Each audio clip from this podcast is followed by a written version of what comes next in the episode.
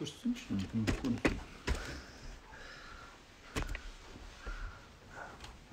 بسم الله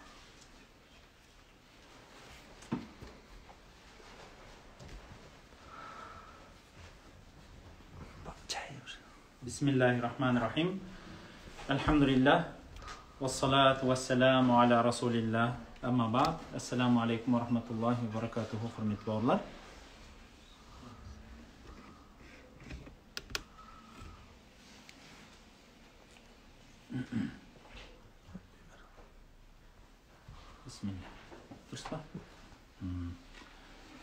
ассаламу алейкум рахматуллахи баракату құрметті бауырлар біз өзіміздің өткен кездесуімізді жалғастырсақ деген ниетпенен ә, реттеп жатырмын естеріңізде болса біз өткенде біраз адам менен алланың арасындағы байланысты күтіп өткенбіз. Ә, өз басым көп айтамын ғой ә, білесіздер адам бұл өмірде м, үш түрлі үлкен байланыс болады сол үш байланысын реттесе соны бір жүйеге үйлесімділікке қойса бір өмірінің мәнін немесе дәмін сезеді сол ең бірінші үлкен мұсылман адамға үлкен нәрсе ол адам менен алланың арасындағы байланыс оны түзетпей бұл өміріңіз де арғы дүниеңіз де түзелмейді қанша бұл дүниеден бай болып өткендер бар қанша бұл дүниеден ә, басқа да ә, жағдайлармен өткендер бар әйтсе де өзі менен алланың арасына байланысını таппағаннан кейін ә, сол арманын армандап кеткендер көп. Құранда да бұл мағынада келген уақиғалар аяттар бар.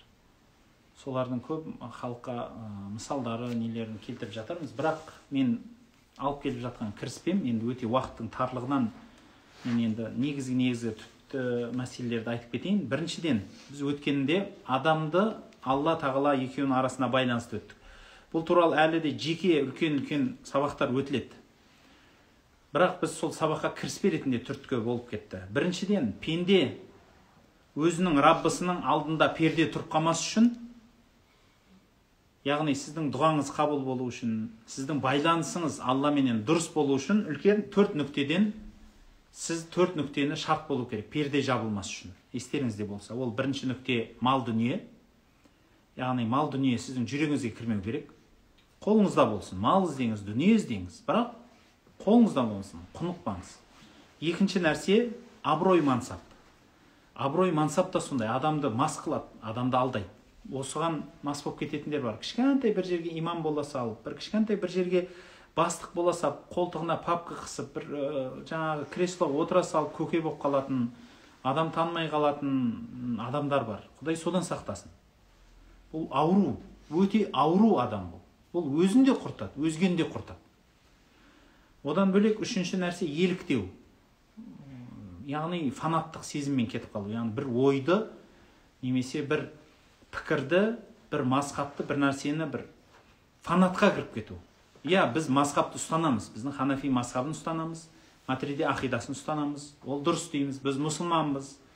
Оның үстіне руымыз бар ұлтымыз бар басқа бар басқа бар. Иә дұрыс ұстаныңыз. Ешқандай несі жоқ. Бірақ қай мақсатта?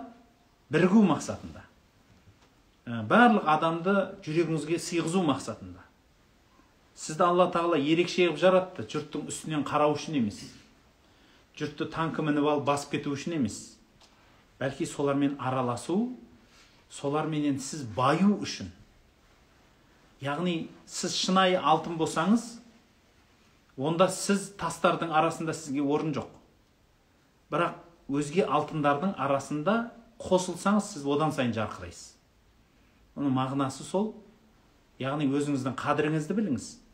Бірақ қадіріңді біл деген сөз өзіңді аспанға шығарып жұрттың бәрі менсінбей қарау емес. Бұл ой пікірде болсын ұлтта болсын сіздің ұстанымыңыз өмірлік көзқарасыңызда болсын бәрінде кең болыңыз. Және төртінші бір нүкте күнәлар алла тағаланы сізден алла тағаланы жауып қоятын перде сіздің иманыңыздан жүрегіңізден жауып қоятын перденің ең үлкен пердесі бұл күнәлар. Барлық күнә үлкен кіші күнәлардың бәріменен күресу керек соның барлығынан ажырай білу керек және адам баласы өмір бақи күнә жасайды. Күнәсіз адам болмайды. Пайғамбарымыз сол үшін айтып кетті. Барлық адам қате жасаушы жазушы күнәкар күнәһар. Бірақ соның ішіндегі ең абзалы тәубеге келушісі. Өзінің күнәсін дұрыстаушы адам. Пайғамбарымыздың салып кеткен сара жолындағы бір дүние сіз күнә жасасаңыз міндетті түрде артынан жақсылық жасауыңыз керек. Соны әдеттендіңіз. Қандай күнә жасасаңыз артынан жақсылық жасаңыз ананы өшіру үшін. Және екіншіден сол күнәні тәубе қылып мойындау керек. Және соны түзету керек. Ол күнә сізге ауырлық тигізіп сонымен бірге ауырып жүре беру емес бауырлар. Яғни мысалы кейбіреулерде түсінік бар. Күнә деген дұрыс ол. Үлкен ауыр нәрсе. Ол зіл қара тас оны ұмытпаған жақсы болады. Бірақ ұмытпа күнәңді деген сөз бұл яғни соныменен ауырып қал емес. Депрессияға түсіп кетіп жаңағыдай мен бейшарамын топырақпын анаумын деп өзіңді бір жеп қойып жоқ олай емес. Бірақ керісінше мен күнә деген сөз күнәдан кешірім сұрап қалдым болды енді кете беремін деген жеңілдік те емес. Екеуінің ортасы байсалдылық керек. Күнәдан сіз құтыла алмайсыз сондықтан әрдайым күресе білу керек. Аузыңды ашып отырсаң күнәға құрисың. Сондықтан күнәға бардың ба дереу түзет ісіңді істе. Және лажы барынша сол. Яғни былай айтқанда өзіңнің қате кемшілігіңменен күресе білу керек. Өмір бақи. Төрт ереже. Мал дүние абырой мансап еліктеу және күнәлар. Осы төрт нәрсе сізді алладан жабады. Ол осы өткен сабағымыз еді. Бүгінгі бір нүкте өзің және нәпсің. Осы тақырыпты қозғасам деймін. Мүмкін бір, бір, бір кездесу мүмкін бірнеше кездесу болады. Бірінші кездесуіміз мүмкін ер азаматтарға арнасақ деймін. Ер азаматтарға. Ерлердің тәрбиесі туралы арнайы тақырыптар өтілер. Бірақ дегенмен міндетті түрде ер азамат тыңдауы керек болған бір кішкентай сабақ деп ойлаймын. Және ер азамат асырап отқан ұл қыз асырап отқан әсіресе ұл бағып отқан әрбір ата анаға керек болады деген ниетім. Өзің және нәпсің. Осы тақырып. Яғни өзің және өзге емес. Өзіңді бірінші орында өзіңді қалай ұстау деген тақырып. Немесе естеріңізде болса мен бір рет бұны айтып та кеттім. Нағыз еркек пенен сәби баланың арасындағы айырмашылық. Бала ол арманшыл болады. Аспанда ұшып жүреді. Ер азамат іскер адам болады. Ол іс қимылдың адамы ол арман ой пікір былай аспанда ұшып жүрген жерде аяғы тимейтін біреу емес жоқ. Ер азамат деген сөз істің адамы. Алла тағала сізді ер қылып жаратты ма? Ер бола біліңіз. Еркек деген кім деп сұрасаңыздар мысалы әйел кісіден сұрасаңыздар енді көптеген сипаттар айтар бірақ сол сұрақтарды зерттеу үшін әртүрлі жерлерден оқып ізденіп көрдім. Мысалы негізгі ер азамат кім? Немесе қандай ол ер азамат деген сипатқа көбінесе ол ер азамат үлкен. Әйел кісінің көзінде өйткені папасы сондай болып қалып кеткен ғой әкесі сондай болып қалып кеткен ол үлкен болу керек. Екіншіден бұл сіздің денеңізді айтып жатқан жоқ негізі бірақ. Үлкен болу керек. Екіншіден күшті болу керек. Міндетті түрде ол сіз ана екі жүз килолық штангыны әшейін бір қолыңызда көтеру емес бірақ. Үшіншіден ақылды болу керек. Ақылды болу керек деген сөз енді бір көзіңізге ашки тағып алып бір төрт университетті бітіріп тастау емес. Және орысша спокойный дейді ғой байсалды бұл ер, ер азаматтардың қазіргі көбінесе осы төрт қасиетті әйел кісілер айтады мысалы өзіңіз де қараңызшы сіздің әкеңіз енді әке деп атауға лайықты болған сипаттар қандай десеңіз де осы нәрсе шығады. Біріншіден үлкен болса. Екіншіден бір күш қуатты болса. Үшіншіден ақылды болса. Төртіншіден байсалды болса дейді. Осы қасиет негізі жігіттер. Өзге ә, ұлт ә, өзге жынысты дейміз бе әйелді тартады. Негізі сіз ер азамат боламын десеңіз осы төрт қасиет сізден табылу керек. Және басқа қасиеттер. Осы төртеуі сізден жарық көрініп тұру керек. Сіз үлкен болуыңыз керек. Үлкен дегенде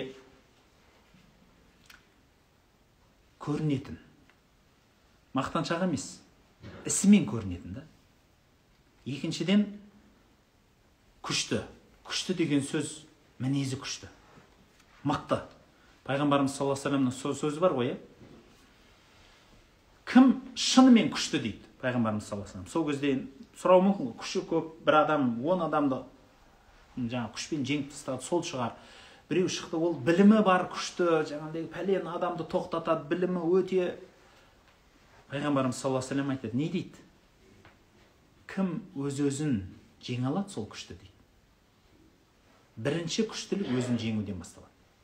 Өзінің ой пікірін жаман мінезін жаман әдеттерін жаман нәрселерін жеңу сол күштілік. А ол нәрсе сізден көрініп тұрады. Сізден білініп тұрады. Сіз өз өзіңізбен күресіп жүргеніңіз өз өзіңізді тоқтата алатыныңызды қалағаныңызды сіз өз өзіңізді істете алатыныңызды мысалы бір күні келіп тоқта сен күніге таңертең тұрасың жүгіресің болды. Саған айтылды соны істеуің керексің. Өйткені еркексің істейсің. Міне күштілік осында басталады. Шешім қабылда және соны орында.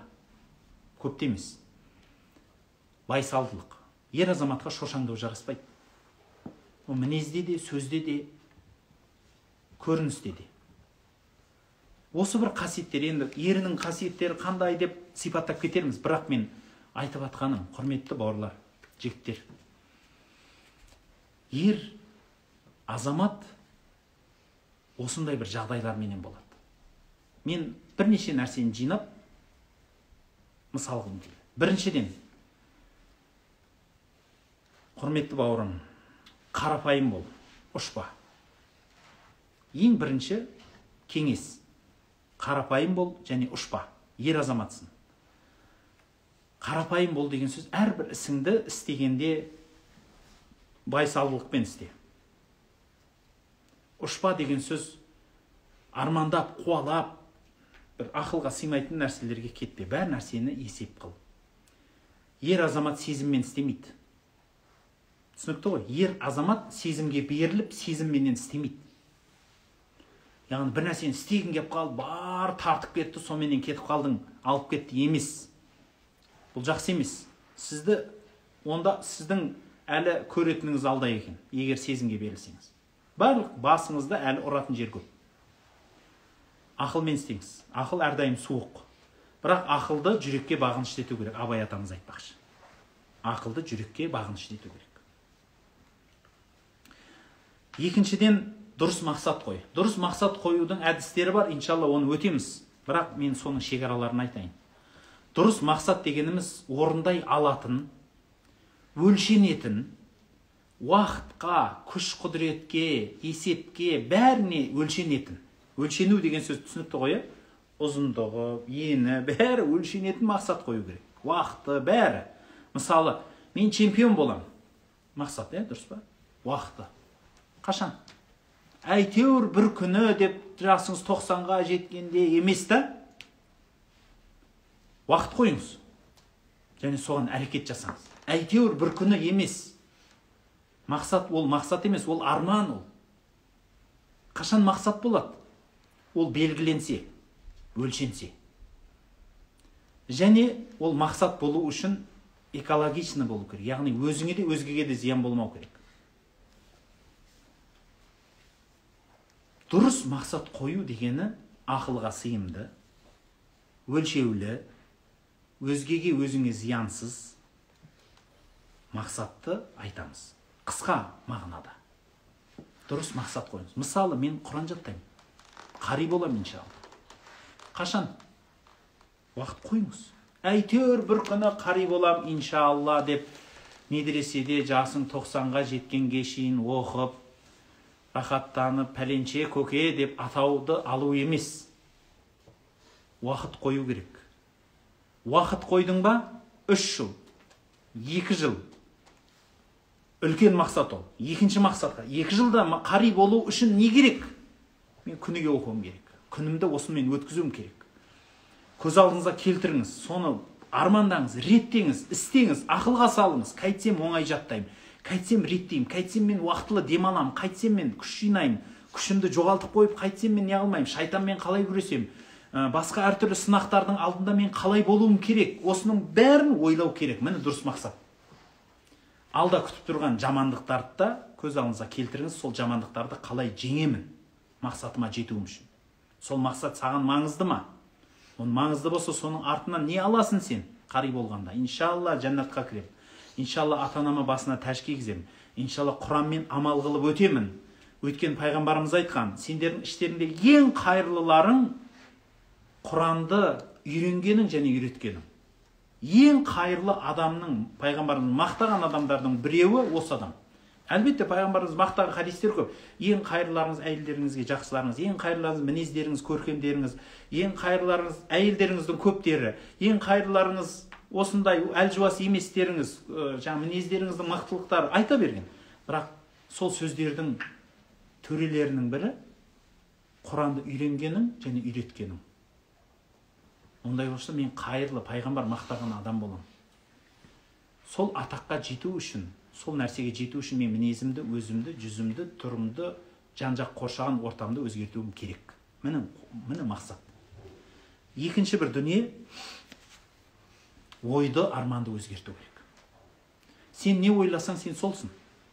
Біреу айтқан екен жүрегіңнің қайда жүргенін білгің келе ма? депті.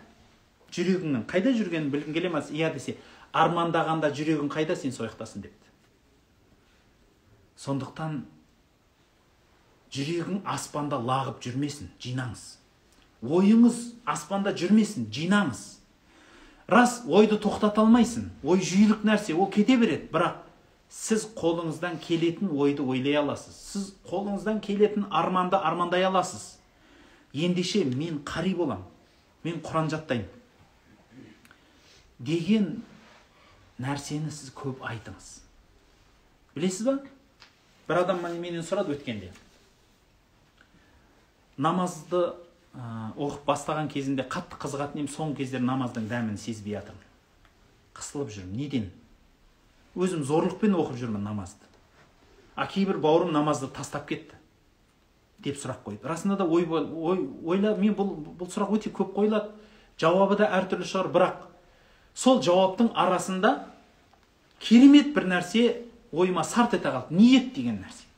Ол психологияда қазіргі жұрттың зерттеп жатқан дүниесі. Ниет білесіз ба? Намаздың ниеті ханафи масқа бойынша қалай айтылу керек? Тілмен айтылу керек. Әшейін іштен емес. Іштен айтылған ниет макрух болады. Келе сал мысалы аллаху акбар мен ниет қылдым. Мысалы ә, бесін намазының төрт ракат сүннетін оқуға деген нәрсені сіз ішіңізден айтсаңыз макрух болады. Ниетті тілмен айту керек. Қалай айтасыз? Ең қарапайым біріншіден ниет қарапайым болу керек қысқа болу керек нақты болу керек. Ниетті бүйтіп айтпайсыз ғой. Иншалла жәннатқа кіремін пайғамбарымыз саллаллаху вассаламның жанында тұрамын. Осы бүгінгі число так мың тоғыз жүз да тоқсан тоғызыншы жылдың осынша өйтпейсіз ғой ниетте о бір жақтан түсіп келмейсіз жоқ. Ниет ниет қылдым. Осындай намаздың осынша ракағатын оқуға кім үшін? Алла үшін. Ықыласпенен. Көрдіңіз ба? Не оқитыныңды кім үшін оқитыныңды а? сен қандай халде оқитыныңды айтып қойдың. Оны бірақ көп адам тілмен айтады. Бірақ қазір психология айтады сол ниетті құр әшейін тілмен айта берсең де ол жүрегіңе подсознание дейді ғой түпкі сана дейді. Соған отырады дейді түбі отырады екен да. Сол үшін ниетті ықыласпен айтсаң да ықылассыз айтсаң да ол қабыл дейді ол әуелі бастан айтып кеткен да. Қазіргі психологтар оны былай былай зерттеп жатса да айтылады ниетті тілмен айтсаң болды дейді. Иншалла ол қабыл иншалла намазың қабыл дейді сен оны ықыласпен ықылассыз яғни автоматтық түрде оқып қойсаң да ниетті айттың оны иншалла қабыл дейді қараңызшы мықтылығы. Бұл әуел баста айтылып кеткен дүние. Бұны қазіргі психологтар енді енді зерттеп жатыр ғой. Міне міне деп намазда ниетті дұрыс айта білген адам намазының дәмін сезеді. Дәл сол сияқты істе пайғамбарымыз айтқан жаддиду ниятакум өз ниеттеріңді жаңартыңдар. Әр ниетті жаңарту керек. Күніге таңертең тұрғанда ниет қылыңыз. Кешке жатарда ниет етіп жатыңыз. Әр істі бастарда ниет қылыңыз. Құран кітабыңызды ашып алыңыз да бисмиллахи рахмани рахим ниет қылдым. Не үшін? Алланың ризалығы үшін ықыласпен осы құранды жаттаймын. Және иншалла осы аллахым өзіңнен сұрайтыным осы жаттаған құранымды амалда қыл ойыма оңай қыл жаттауымды кең қыл түсінікті қыл тез жаттап алайын деп сұраңыз құдайдан. Құранның алдында тұрсыз ғой қабыл болады. Ниет. Сол үшін ойыңды жина арманыңды жина. Сенің ойың қайда сен сондасың сенің арманың қайда сен сондасың сол үшін сенің ойың мен арманыңды мақсатың шешсін. Яғни не нәрсені мақсат қылдың сол нәрсені ойла. Сол нәрсені арманда. Сонда ойың да мақсатың да жинақы.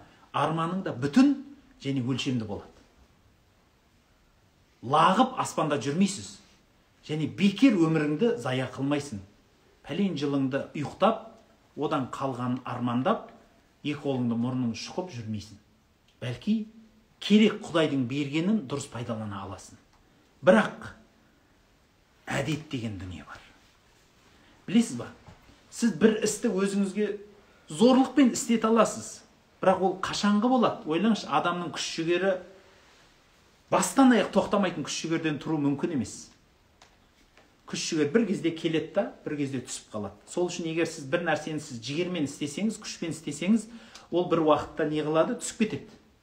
Сол үшін сіз істей алмай қалатын уақыт болады. Ал ол нәрсені не нәрсеге айналдыру керек? Сіз оңай істеу үшін.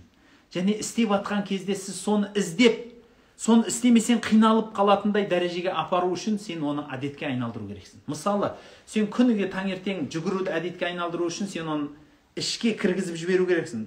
Психологияда сөйтеді подсознание дейді. Сен мысалы құран оқуды сондай дәрежеде әдетке айналдыру керексің оқымасаң ауыратын адам болу керексің ғой. Кәдімгі наркоман адам сияқты құран оқымадың ба сен оны іздейсің? Мен оқымадым құран. Бір нәрсем жетпей тұр. Мысалы намазды алғашқы уақытында оқып қалу сондай бір дәрежеде. Сол істі істегеннен кейін оны іздеу үшін міндетті түрде мысалы құран оқыдың ба сабағыңды оқыдың ба ұстазыңнан бағаңды алдың ба сен келгеннен кейін секунд көп емес бір он секунд ше өзіңе уақыт бер да өзіңді мақта. Және ұстаздарға да айтатыным сол. Алла разы болсын. Бүгінгі сабағың дұрыс болыпты. Осы еңбегіңнен қайтпа деп ұстаздарға да өтінішім поддержка бер балаңа ол қуат балаға күш қуат береді. Психологияда ол сол уақытын күш қуат береді да сол кішкентай ол алдау сөз емес. Сізге шынымен қуат береді. Келгеннен кейін сіз қайтадан құранды іздейтін боласыз сізді ауру болады ол. Келеді да сіз құран оқисыз ал оқымаған күнің сен іздейсің. Істеп болғаннан кейін өзіңе айт альхамдулилля енді кім болдың енді бір қадам болса да арманыңа жақындадың бүгін бір бет тапсырдың альхамдулилля ертең тағы бір бет тағы бір бет тағы бір бет осылай кете берем күніге жақындап жатырмын мен бұның өзі үлкен қуат бітірдіңіз ба сабағыңызды альхамдулилля мен арманыма жақындадым белгілеп қойыңыз өзіңізге үлкен нәрсе бұл сізге бір қуат береді ертең сіз осыны іздейсіз қайтадан мен құран оқысам екен мен намаз оқысам екен мен сауап амал қылсам бұл барлық істе мен құран мысалында келтіріп тұрмын бұл барлық істе осылай жасау керек. Сонда сіз әдет дұрыс әдет айналдырасыз. Жаман әдеттен міндетті түрде арылу керек бауырлар жаман әдеттер жалқаулық жаман әдеттер енжарлық жаман әдеттер қырсықтық жаман әдеттер өте көп сізді не нәрсе ұнамайды. Ол достарыңнан сұра пайғамбарымыз саллаллаху алейхи вассаламның мектебін көрген сахабаларда сөз бар екен. Кім мені сынайды мен соны жақсы көремін дейді екен. Біз керісіншеміз қазір иә кім сенің жамандығыңды айтады сен оны жек көресің. Сен оны жақсы көр. Не үшін? Ол сені алға қарай жылжытып жатыр ол. Сені алға қарай жылжы сен содан сабақ ал да арға қарай жылжы. Қимылда әрекет қыл. Сенің жамандығыңды айтты альхамдулилля құдайға шүкір. Енді содан арыл. Сол нәрсені қимылда. Менің қандай тағы да кемшіліктерім бар деп сұрап ал қайта сол адамнан. Айта бер онау кемшілігім? Альхамдулилля айт.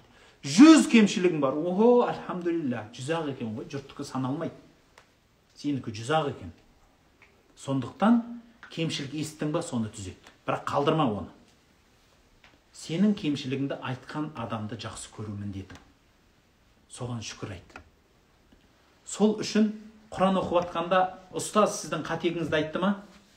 Сол қатеңді түзет ол жек көріп одан қорықпа қате қылып қоямын екен жоқ.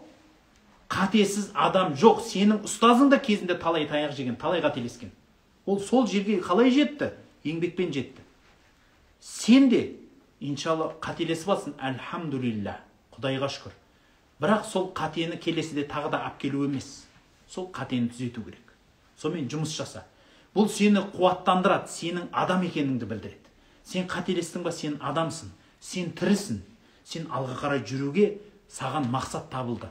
Сол қатеңді түзетіп алға қарай жүруің керексің. Қатеңнен қорықпа.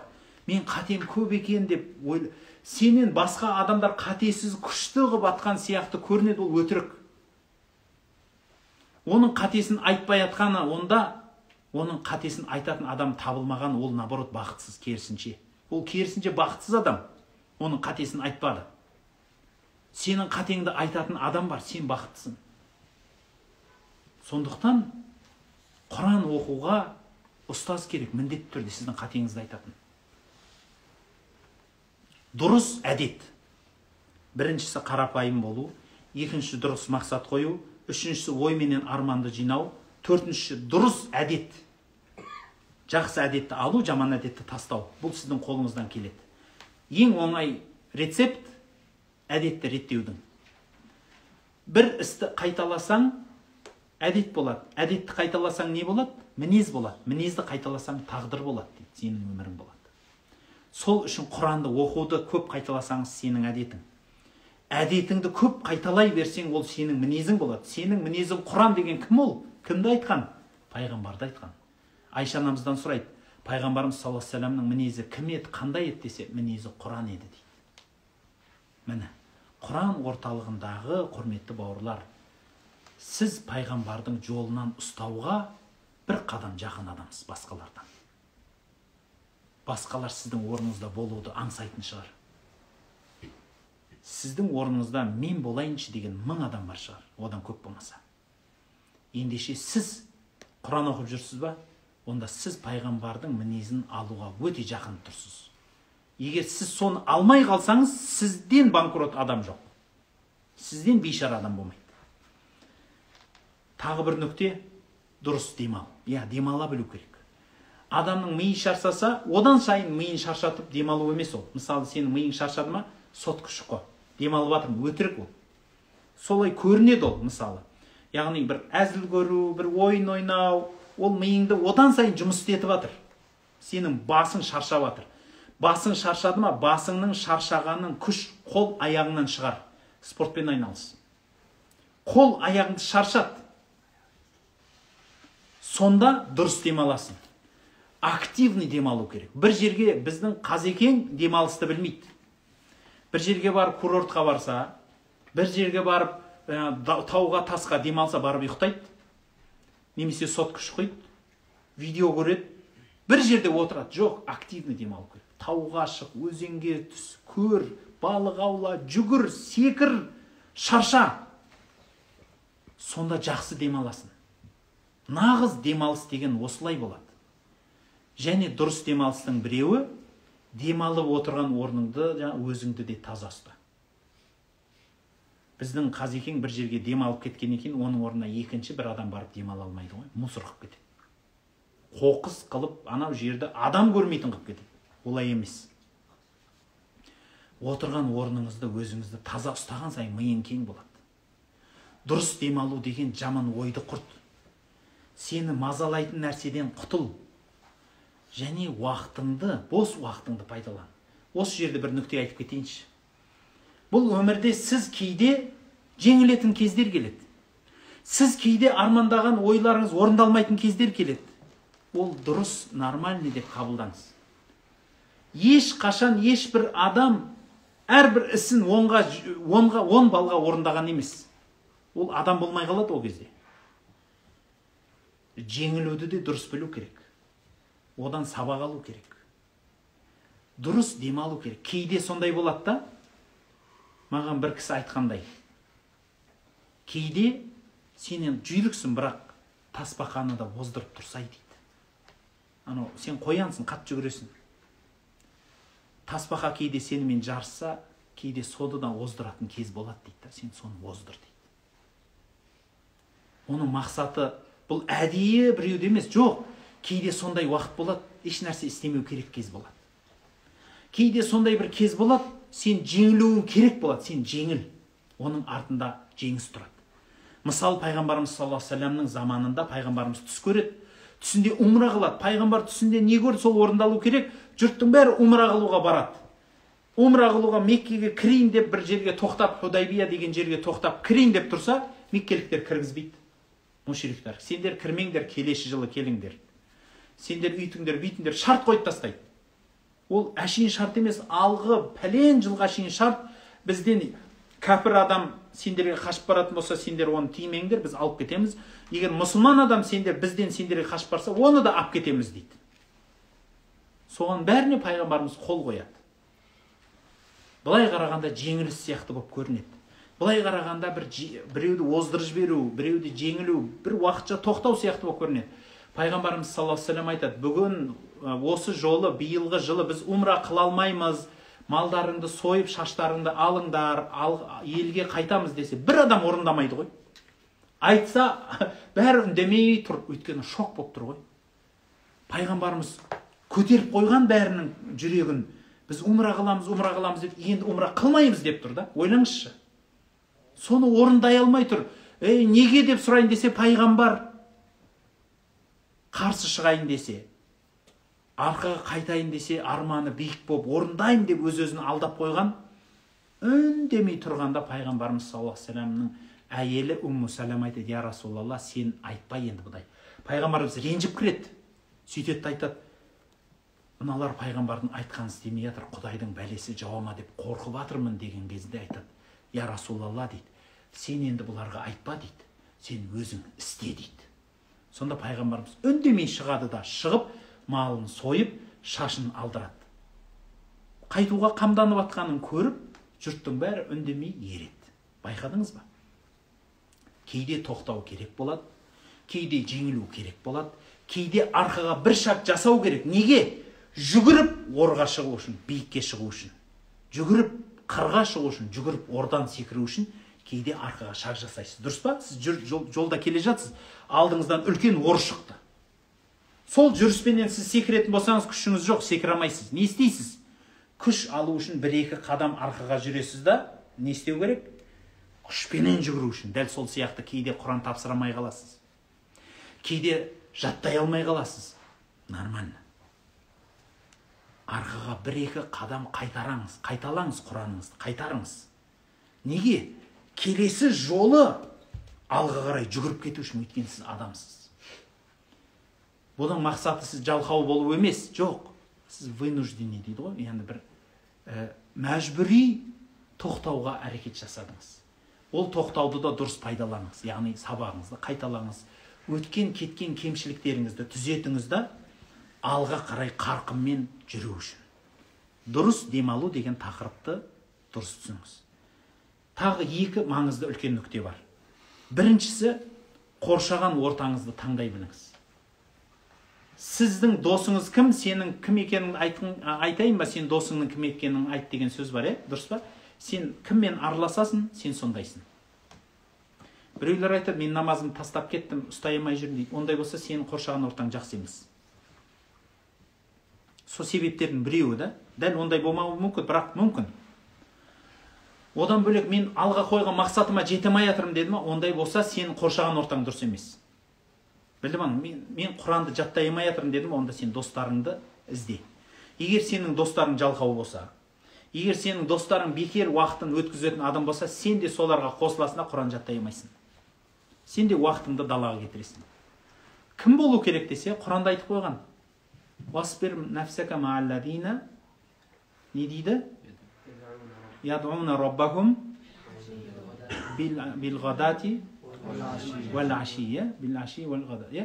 таңда кешке алланы зікір етуші адамдарменен бірге болуды өзіңнің нәпсіңді сабыр қылдыр яғни жақсы адамдардың жанында отыруға сабырлы қыл өзіңді отырғыз деген сөз түсінікті ма сен оны жақтырмауың мүмкін бірақ ол жақсы адам көп оқиды көп намаз оқиды садақа қылады жақсы жүрісі тұрысы бәрі жақсы.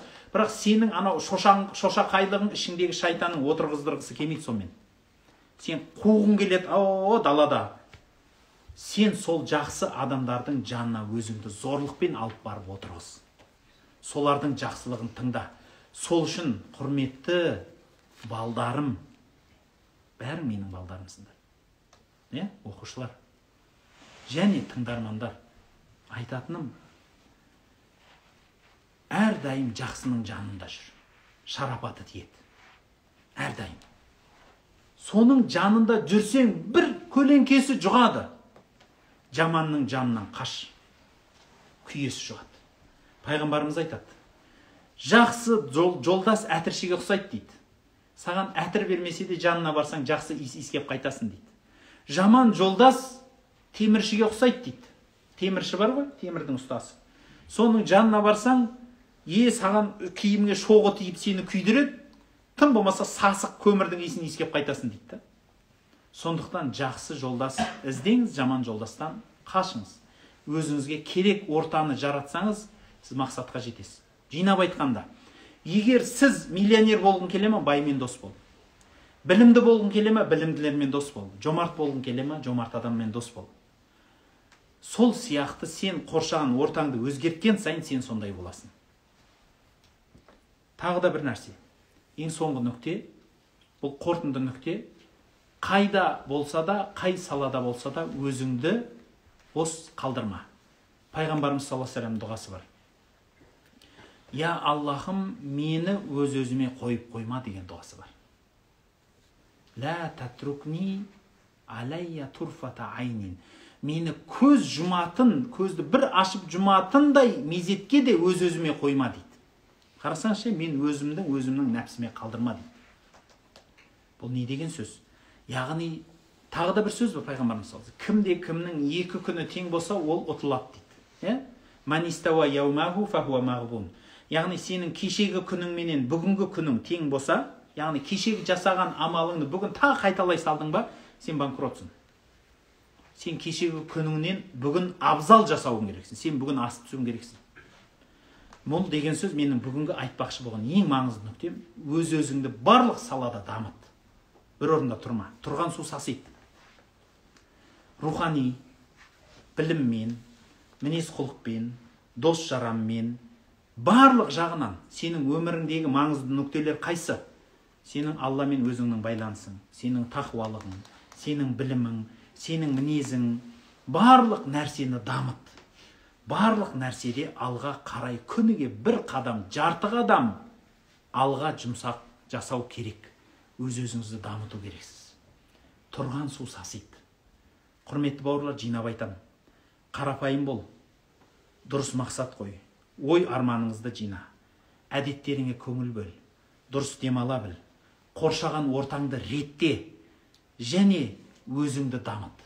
Бұл әрбір ер азаматтың өзімен өзінің өзімен нәпсінің арасындағы міндеттер кеңестер. Осы кеңестерді ұстану сіз нәпсіңізге деген егелік қылуға себеп болатын нәрселер. Әлі де сіз және нәпсіңіздің тәрбиесі жөнінде сабақтар өтеді. Бірақ мен сол сабақтарға жалпы сабақтарға дейін әрбір ер азаматқа керек болған нүктелерді айттым. Және әрбір керек ер азаматқа керек болған мінез төртеу үлкен болу күш қуатты болу ақылды болу және қандай болу? Байсалды болу. Осы төрт мінез ер азаматта табылу керек. Осындай нәрсені ұстану сізді өзіңізбен өзіңізге күресудегі сіздің қалқаныңыз сіздің саяңыз сіздің жеңіске деген жәрдемшіңіз болады екен. Сонымен алланың алдындағы пердеден аулақ болыңыз. Өзіңіз бен өзіңіздің нәпсіңізді жауып қоятын перделерден аулақ болғыңыз келді. Бихамдик ашхаду ан ла илаха илля аллахым бақытын бірлігін тыныштығын амандығын берсін.